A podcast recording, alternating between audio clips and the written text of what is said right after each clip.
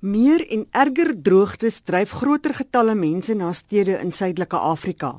Daarom glo Dr. Diane Speer, 'n navorser by die Afrika Klimaat en Ontwikkelingsinisiatief aan die Universiteit van Kaapstad, dat beter beplanning en die gebruik van tegnologie om water weer te gebruik nodig is.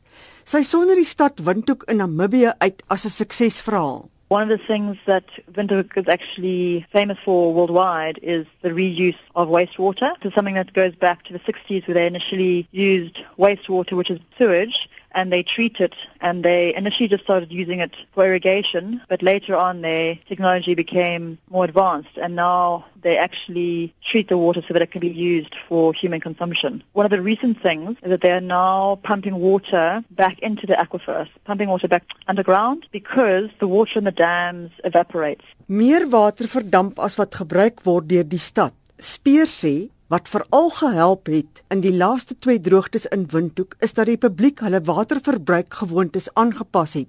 In 1996 is periodes ingestel waarin geen water gebruik kon word nie. Swembaddens toegemaak moes word, laafvloei stortkoppe en waterbesparende stelsels in toilette geïnstalleer is. They actually had water control officers that could go and read meters and actively check on people. They've turned off the water of households where there's been too much water use. And then there's also been engagement around getting leaks fixed. That's a big loss of water where there's leaking pipes. And yeah, a big reduction in water use on gardens. But I mean, there's lots of simple things that people can do.